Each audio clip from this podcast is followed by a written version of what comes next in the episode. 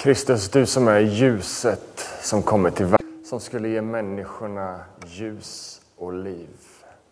Jag ber att du ska lysa in i våra hjärtan med ditt ord den här, den här, den här första advent. Jag ber att hela den här advent här ska få bli en tid där vi ska få se Kristus i ett förnyat ljus. Precis som vi sjöng i sista lovsången här. Vi ska få se dig som ljuvlig och härlig och underbar. Du som är vår frälsare, vår räddning, du som är vårt hopp. Du som är vår glädje. Jag ber att du ska bli stor för våra hjärtan. Jag ber den här predikan, den här stunden när vi ska predika ditt ord här. Jag ber att du, Kristus, ska bli stor för våra hjärtan. I den här gammeltestamentliga texten som man kan tänka, vad har den här med Jesus att göra? Att vi ska se att den har allt med Jesus att göra. Att hela ditt ord, Nya och Gamla testamentet, viskar ditt ärende till människan, nämligen Jesus Kristus. Frälsning och glädje i tron på dig. Halleluja. Amen.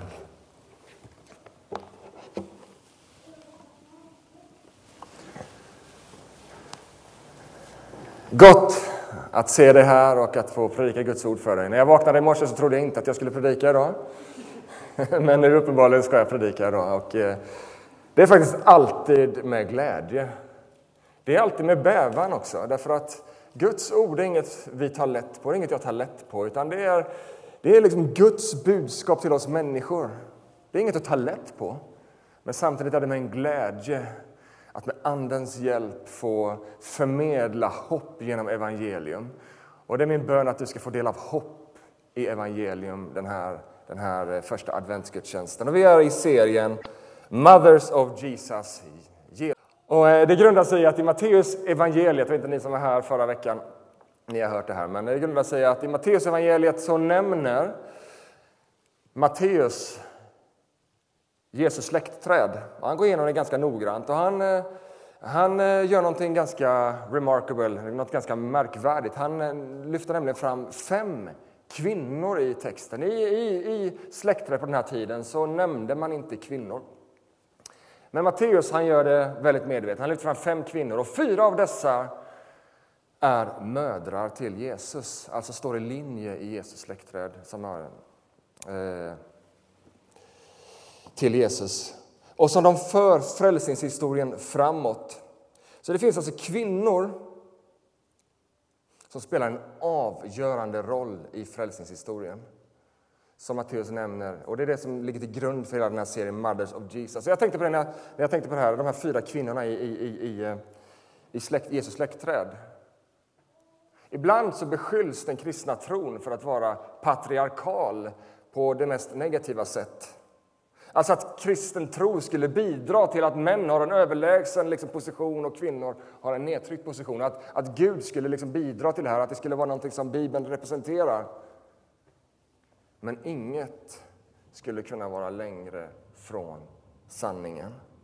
Det är sant att Bibeln beskriver saker i sin historiska kontext. Det är en väldigt, väldigt skillnad på att Bibeln kommer med ett ärende till oss eller att Bibeln beskriver sin historiska kontext. Är med mig? Och ibland tror jag att vi liksom använder Bibeln på ett fel sätt och liksom bara tar historiska kontexten när det passar och liksom vänder det som att det skulle vara Guds ärende till oss och tvärtom. Men Bibeln beskriver absolut patriarkala strukturer och vi möter det också i dagens text där den beskriver en kontext. Men frälsningshistorien som målas genom Bibeln porträtterar ett radikalt återupprättande av Guds skapelse och Guds skapelsetanke.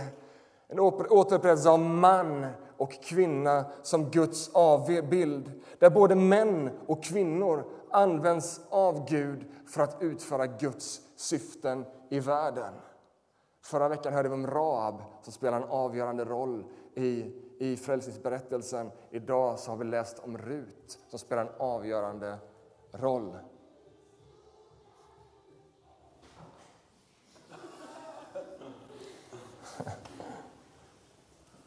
Släktträdet i Matteus evangeliet visar hur Gud i sin nåd utväljer syndare, män och kvinnor i sin frälsningsplan. Förra veckan Rahab, en hedning prostituerad men som Gud utväljer att vara en del i sin frälsningsplan, att vara en del i Jesu släktlinje.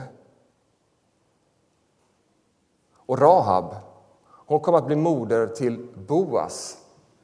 Och vem är Boas? Jo, Rut läste vi om i dagens text. Boas kom att bli Ruts man.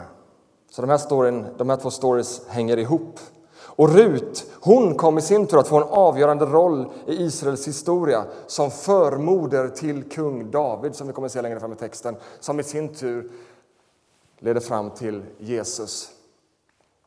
Ruts bok är en liten bok, fyra kapitel, vilket gjorde att det underlättade lite när jag skulle förbereda den här predikan idag. Fyra kapitel. Och det är egentligen på många sätt en väldigt vacker kärleksberättelse. En väldigt fin kärlekshistoria. Men genom den här kärlekshistorien så finns en djupare betydelse. Och Ruts liv, den här berättelsen, Ruts liv utspelar sig på domartiden som man kan läsa om i Domarboken. Och det är en otroligt mörk tid i Israels historia. Vi är i advent nu, det börjar redan bli mörkt fast det, liksom det bara är mitt på dagen. Men här talar vi om mörker på ett helt annat sätt. En mörk tid där Guds folk är i förfall, i avfall ifrån tron på Gud. Israels folk har kommit in i löfteslandet. Ni vet Josua och intåget i löfteslandet och Rahab som var en del av det här. Men Israels folk har ganska snabbt glömt bort Guds trofasthet och han har lett dem ut ur slaveri och lett dem in i det förlovade landet. De verkar ha problem med, med glömska. De glömmer snabbt bort. Och Det står så här i Domarboken kapitel 21 och 25. På den tiden fanns ingen kung i Israel. Var och en gjorde vad han själv fann för gott. Det var en tid då det saknades gudomligt ledarskap och det var en tid där var och en gjorde det som den själv fann gott. Vad är det för någonting? Egentligen beskrivning på vad synd är för någonting. Det är när vi följer våra egna hjärtan, våra egna begär, där vi gör det vi själva tycker är gott och inte det som Gud säger är gott. Så det här var en tid där, där Israels folk hade avfallit från troheten till Gud och följde sina egna vägar. Och det så talas om hur de judiska männen gick ut och tog hedniska kvinnor till sina hustrur. Och inte bara det, de förfördes av dessa hedniska kvinnor och följde deras gudar, avgudar. Baalsdyrkan och annan avgudadyrkan. Och förfallet är djupt. Det står om hur de går ut och plundrar och blir plundrade. och det är liksom fram och tillbaka. Man läser i domarboken. Och det är ännu värre, det står hur de förfaller så djupt så de liksom våldtar och liksom härjar där männen går fram ganska långt ifrån den vision som Gud hade tänkt för sitt folk. Det är vad som verkar hända när vi följer våra bedrägliga hjärtan istället för att följa Guds tanke. De struntade i att Gud räddade dem, de gick sin egen väg. Och författaren lyfter fram att de är utan kung. De är utan ett ledarskap från Gud. Och det här knyter an till sista kapitlet i Ruts bok där, Rut, eller där Ruts bok pekar fram emot en kung som skulle komma, nämligen kung David. Så mitt i denna mörka tid som domarboken är så finns en liten pekare om en ljusglimt där borta, om hopp där borta. Då någonting ska förändras. Ni ska inte längre vara utan kung. Det ska komma en kung. Det här förfallet ska göras upp med. Det ska komma en fridens kung som ska återupprätta ordning. Och David som i sin tur Precis som vi har sjungit i adventssången Bereda mig för Herren och såna här liksom sjungit om Davids rike som alltid ska slut. David själv är bara en pekare fram på den verklige kungen, den mäktige kungen, den kungen som hela advent talar om. Kung Jesus som ska göra upp med mörkret och synden en gång för alla. Så det här är liksom en större kontext än bara det mörkret som återfinns i Domarboken. Det visar att det ska komma en kung. Det pekar framåt mot en tid då den verklige kungen kommer.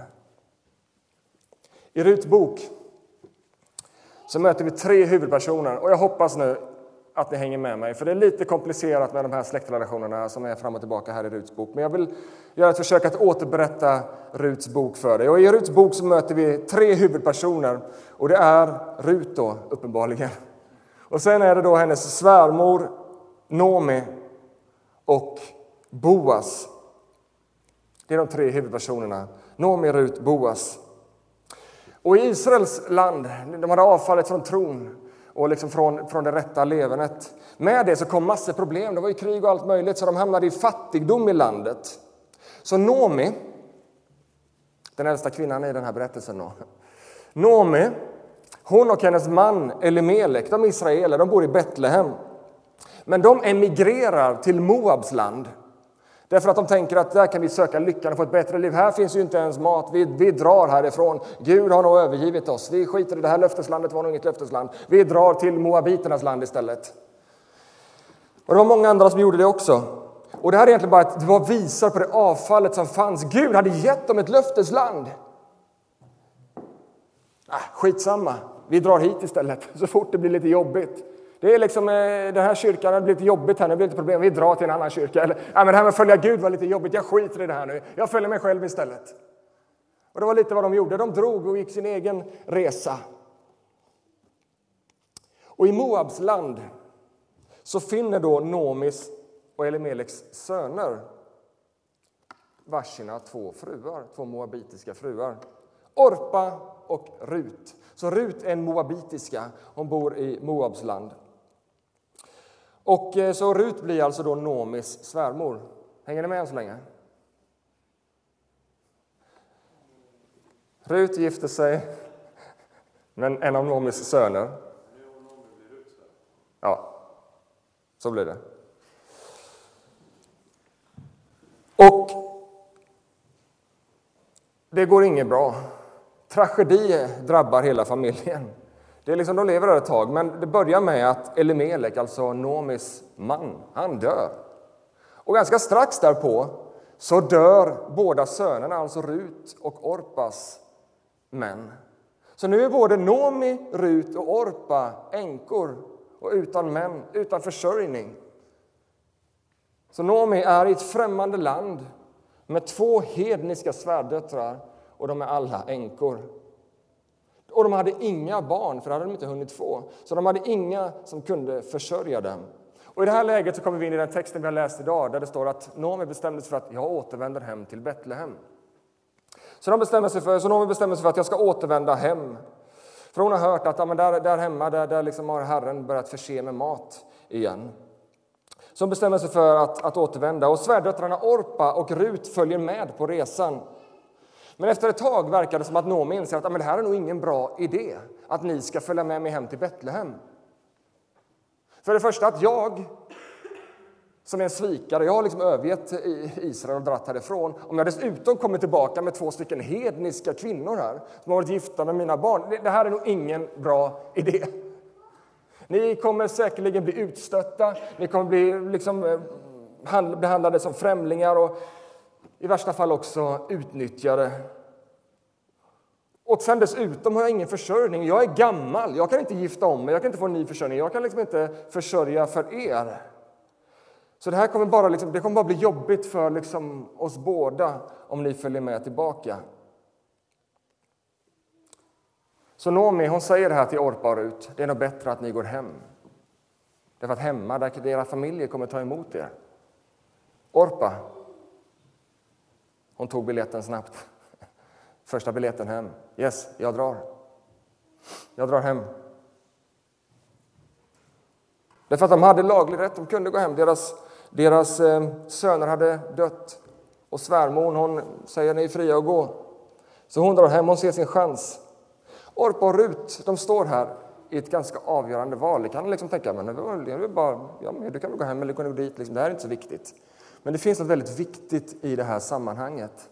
Det är inte bara ett val att välja att gå hem till sin familj igen eller att följa med till Israel, till Betlehem. Det är inte vilket val som helst. Gick de hem till sina familjer så visste de att de hade försörjning. De kommer få det gott ställt igen, familjen kommer ta emot dem. De är fortfarande unga, de kan gifta om sig. De kommer få det bra. Men det var också ett val att återvända till sitt hedniska liv och till sin avgud, eller enligt Bibelns perspektiv, till sina gudar. Det fanns ett annat val. Ett val att följa med Naomi. Ett val som med all sannolikhet skulle innebära fattigdom. Ett val som skulle innebära ansvar för den här gamla kvinnan, svärmor Noomi att ta hand om henne och försörja för henne också. Hon, hon var gammal, hon, hon kunde ta hand om sig själv. Ett val som innebär att vara främling i ett främmande land. Ett val fullt av osäkerhet. Men det var också ett val att lämna sin hedniska bakgrund, att lämna sina avgudar bakom sig och att istället välja Israels Gud. De kunde välja försörjning och avgudar eller de kunde välja fattigdom, osäkerhet, men med Gud. Orpa, hon går hem. Och så kommer vi till några av de vackraste verserna tycker jag i Ruts bok där Rut gör ett annat val. Nomi säger Rut, din svägerska har gått hem till sitt folk och till sin Gud med litet g. Du borde göra likadant. Och Rut svarade Nomi, tvinga mig inte att lämna dig och gå tillbaka. För jag vill gå dit du går och bo där du bor. Ditt folk ska vara mitt folk och din Gud ska vara min Gud. Jag vill dö där du dör och bli begravd där. Måtte Herren straffa mig och något annat än döden få skilja oss åt. Någonting har hänt med Rut. Vad är det här? Orpa hon säger jag drar. Men Rut hon kan inte tänka sig att gå tillbaka till sitt gamla liv igen. Det finns någonting, jag dör hellre än att gå hem till mitt gamla hedniska liv. Jag vill följa dig. Din Gud är också min Gud. Må komma fattigdom, må komma förföljelse och utanförskap, må komma lidande, må komma att de utnyttjar mig, för jag vet hur illa ställt det är. Männen är som grisar och plundrar. Men vet du vad? Jag väljer hellre att följa med dig in i osäkerhet, in i fattigdom. Bara din Gud får vara min Gud. Bara jag får vara med dig.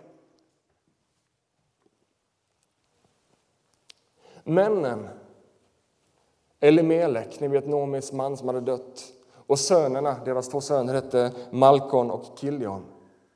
De verkar ha övergett trofastheten mot Gud. De hade ju lämnat landet och tagit med sig sina tagit med sig Noomi ut ur landet. De hade liksom gått till Moabiternas land. De hade övergett trofastheten mot Gud. Så männen verkar inte vara mycket med. Vi män tror att vi är så himla bra så ofta. Men Bibeln målar ganska ofta en annan story. Men Nomi, hon verkar ha bevarat trofastheten och troheten till Israels Gud. Så mitt i moabiternas land och avgudadyrkan så har hon bevarat sin trohet till Gud. Och Det verkar som att hon har levt ut den här tron på ett sånt vackert sätt så att det hade imponerat så till den milda grad på Nomi så hon var beredd att ge sitt liv för tron på den här guden. Kvinnor som står fasta när männen sviker. Det är kvinnor som bär frälsningshistorien framåt. Som vi ser i den här serien, att kvinnan är med, mannen är också med. Men i det här fallet är det faktiskt kvinnor som tar fanan och går framåt. Rut kan inte tänka sig att gå tillbaka till sina avgudar. Din Gud ska vara min Gud. Och hon väljer att vara trofast, inte bara mot Gud, utan också mot Nomi. Trofasthet är någonting som finns mycket av i Ruts bok. Det finns mycket av också i Ruts liv. Hon väljer inte det enkla, men hon väljer det rätta. Och de kommer tillbaka till Betlehem. Vilka är det som kommer? Jo, det är en svikare och en hedning. Oddsen är inte på deras sida. Men Gud, vet ni vad? Det är inte bara Rut som är trofast. Den som verkligen är trofast genom allt är Gud själv. Gud är trofast mot Nomi och Rut. Nomi, texten beskriver hon går in i bitterhet. Hon till och med säger när hon kommer tillbaka Kalla mig inte för Nomi, kalla mig för Mara. Jag vet inte om du har hört begreppet Mara, men det är inget positivt. Det är liksom någon som är bara... Mara, det är liksom vad olycka har drabbat mig. Kalla mig Mara. Hon var bitter på livet och på Gud. Och med all rätt kanske, kan man tycka. Men Rut, hon är trofast att tjäna Gud och att tjäna Nomi. Och här introduceras vi då för berättelsens tredje huvudperson, Boas. Boas är en avlägsen släkting till Elimelek, alltså till Nomis man. Så Boas är en avlägsen släkting till Elimelek och också då Nomi. Och han är en mäktig och förmögen man. De flesta på den här tiden som var mäktiga och förmögna det var inga goda människor. De utnyttjade sin position. Men Boas han beskrivs, till skillnad från de andra, som god, kärleksfull och rättfärdig. Så Boas han finns där i Betlehem. Och Rut och Nomi kommer tillbaka. Nomi berättar ingenting om Boas. Rut vet inget om det här. Men Rut hon säger nu måste vi ta tag i situationen. Och det får jag göra. Jag får gå ut och arbeta och samla liksom så att vi har mat och överleva. Och här möter vi något ganska unikt i Gamla testamentet. Därför att Gud har instiftat ett system i Israel, i lagen som tar hand om de fattiga. Och det är en ganska intressant grej, för i tredje Mosebok beskrivs på flera ställen där Gud säger åt sitt folk att de som skördar sina åkrar ska medvetet vara lite slarviga. vet, Gud han är inte liksom by design slarvig, utan Gud är ordningens Gud. Men han säger till dem, var lite slarviga när ni skördar era åkrar. Varför då? Därför att det ska bli något kvar till den fattige och till främlingen. Så Rut, hon vet ju det här. Eller Nomi vet ju det här, så att hon säger till Rut, ja bra idé, gå ut och plocka efter skördemännen när de plockar, du kan plocka efter dem. Så hon ger sig ut och då så står det att av en slump hamnar hon på Boas fält. Hon visste inte vem Boas var. Av en slump så hamnar hon på Boas fält. Och hon går efter skördemännen och skördar. Och hon är så nitisk i sitt arbete. Hon, liksom bara, hon tar knappt en enda paus. Hon bara arbetar och arbetar och arbetar. Och så kommer Boas tillbaka och så ser han den här kvinnan som går liksom efter de andra skördemännen. Och han undrar, vad är det här för en kvinna? Och troligtvis var hon rätt snygg också, hon var ung och vacker. Så någonstans så kanske han var imponerad av både hennes utseende men också av hennes nitiskhet i sitt arbete. Så han frågar liksom förmannen där, vem är den där kvinnan? Jo, det är den där moabitiska kvinnan som kom hit med eh, Nome.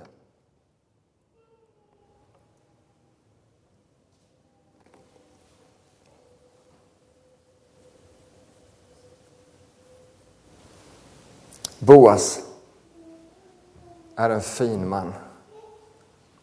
Han hade kunnat tänka gött, ännu en slav i min, liksom här, ännu en arbetare, ännu någon jag kan Liksom, han var inte han sån, men till skillnad från de andra. Han kunde tänka sig någon jag kan utnyttja, någon jag kan använda. Men Boas, han går fram till henne.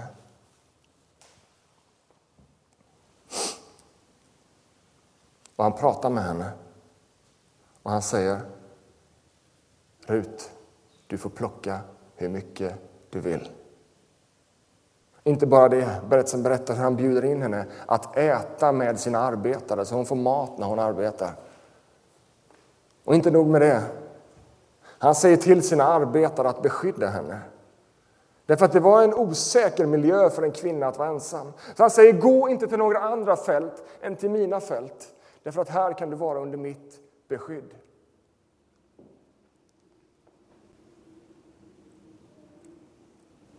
Beskydd från övergrepp, beskydd från våldtäkt och utnyttjande. Boas tar sig an främlingen och han ger henne och Nomi det de behöver och lite till. Han är annorlunda än de andra männen. Och det vackra, en liten detalj kanske när man läser texten, men ingen detalj i sammanhanget, det är att han till och med kallar henne för dotter. Min dotter. Och då kan man tänka, vad, vad pratar, du är väl inte hennes, är väl, hon är väl inte din dotter? Nej, det är ingen biologisk anspelning, utan det är ett accepterande av Rut som en del av folket. Han kunde sagt att ja, du är moabit, han liksom kunde ha hållit henne på avstånd, du får väl liksom, jag kan vara snäll mot dig. Men han till och med kallar henne för dotter. Han inkluderar henne i det som är Guds folk. Boas kunde gjort henne till slav. Rut ser sig själv så. Hon kommer till henne. Åh, jag är din tjänarinna. Det är liksom, en väldigt ödmjuk approach. Jag är din tjänarinna. Men han kallar henne istället för dotter. Boas är som förepekare på en annan man. En son som han och Rut senare kommer att bli förfäder till. Han som är advents ljus, Jesus Kristus. Han som tar emot varje syndens slav och istället kallar dem och behandlar dem som döttrar och söner till den högste guden. Hela Bibelns berättelse, mina vänner, andas evangeliets budskap. Boas är där som en förepekare på den som verkligen tar sig an främlingen, den som står utanför. Jag tycker det är så vackert. Rut berättar om sitt möte med Boas för Noomi när hon kommer hem efter en lång arbetsdag. Och Noomi berättar, wow, hamnade du på Boas fält? Vet du vad, Boas är en släkting till mig genom Elimelek. Och de inser att, oj, det här kan inte vara en slump. Bland alla åkrar och andra fält så hamnar du där. Och Nomi som hade varit så bitter på Gud. Du har övergivit mig och det är värdelöst allting. Hon börjar återigen få se liksom, tron väckas till liv och hoppet. Wow, Gud kanske ändå inte har övergivit mig. Och de ser att det är Gud som är med här. Gud är trofast och har lett Rut till en av Boas fält. Och hur Boas har bemött henne med nåd och respekt. Gud är trofast Även om det ser hopplöst ut. Även om det ser hopplöst ut för dig i ditt liv just nu så är Gud trofast mot dig, min vän. Är du i en hopplös situation, var som Rut. Var som Rut som var trofast mot Gud som var trofast mot de människor som han hade satt i hennes liv. Och vet du vad? Då kommer du få se att Gud kommer verka mäktigt i ditt liv. Gud kommer vara en stridsman som bereder vägen för dig och Gud kommer förse dig med det du behöver. Och Han kommer bereda en väg för dig mitt i ödemarken. Kanske är det en hälsning till någon här och nu. Och Nomi, hon använder ett ganska märkligt ord i texten. Eller märkligt och märkligt, men hon säger också att den här Boas han är vår återlösare. Boas var alltså en avlägsen släkting och det fanns ett system som gick till ungefär så här. Att om en kvinna, eller om en man dör så blir det en änka kvar, eller hur?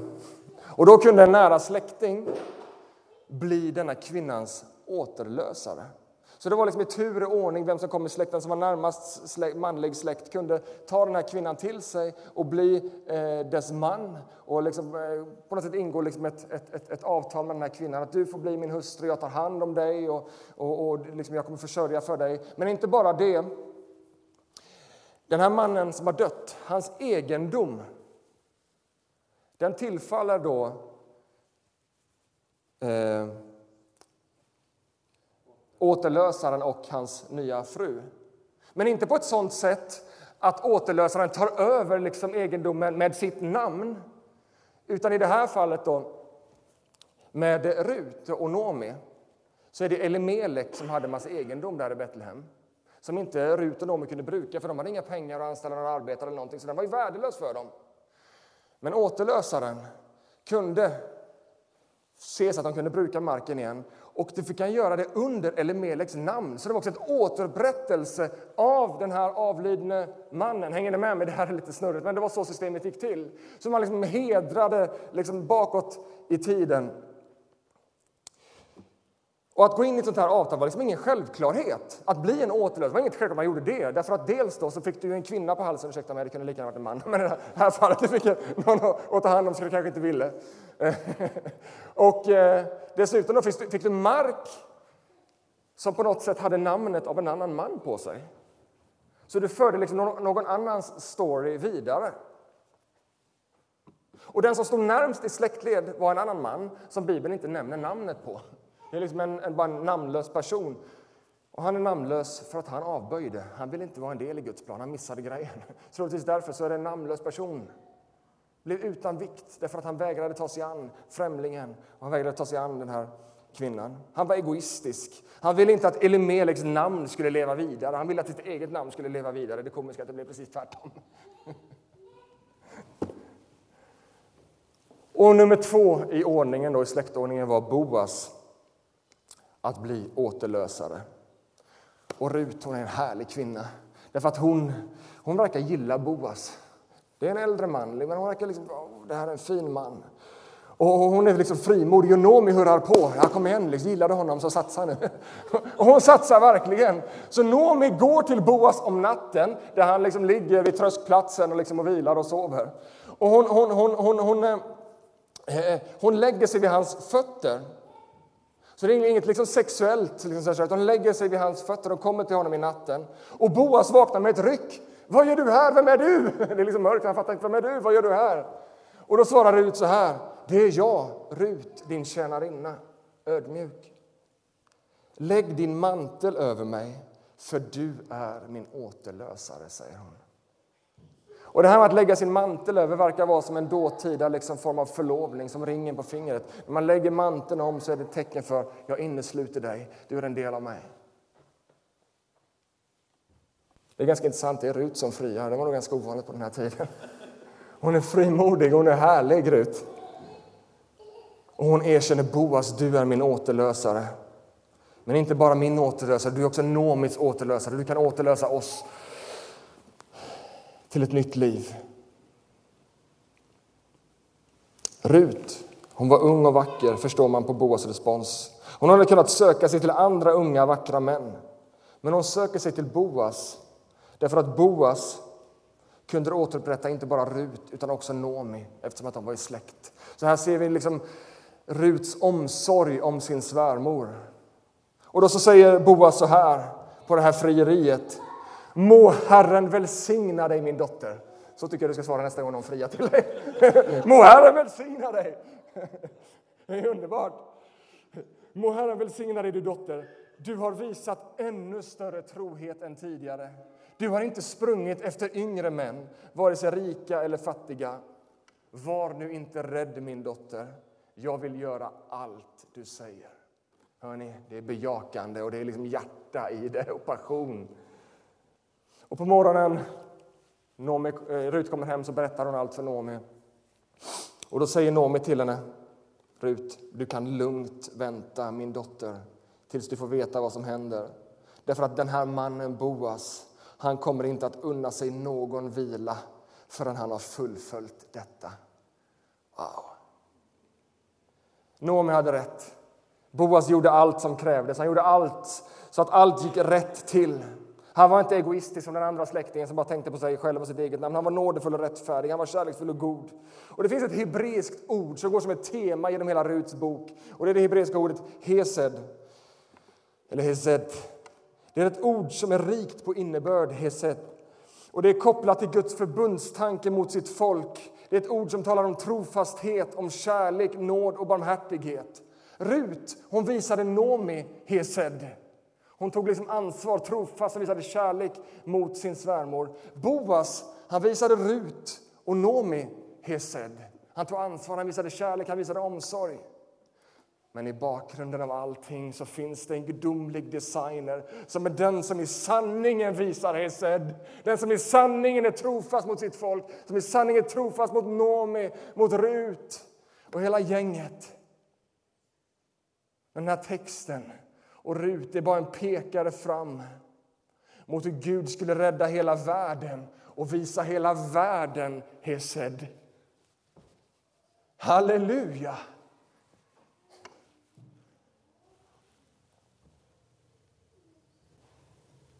Boas tog Rut till sig. Och som återlösare upprättade han Rut och Nomi. Han upprättade deras heder och deras släktarv. Men mer än så, som vi redan har hört, så var Boas en rik, otroligt förmögen och mäktig man. Nomi och Rut återfick sin heder, de fick status, de fick mer, av, de fick mer än nog av allt. Och nu går vi in för, land, för landning här. Ruts bok är en märklig berättelse. Matteus han börjar sitt evangelium med en släkttavla. Rut avslutar sin bok, eller Ruts bok avslutas med en släkttavla. Och det är ett släktträd som kopplar ihop med bokens början. Boken börjar vid domarbokens kaos och mörker, hopplöshet och landet är utan kung. Men i Ruts, när Ruts släktträd liksom beskrivs så ser vi hoppet och frälsningen. Då står det så här, Boas gifte sig alltså med Rut och han låg med henne. Det var väl bra information. Och Herren lät henne bli med barn och föda en son.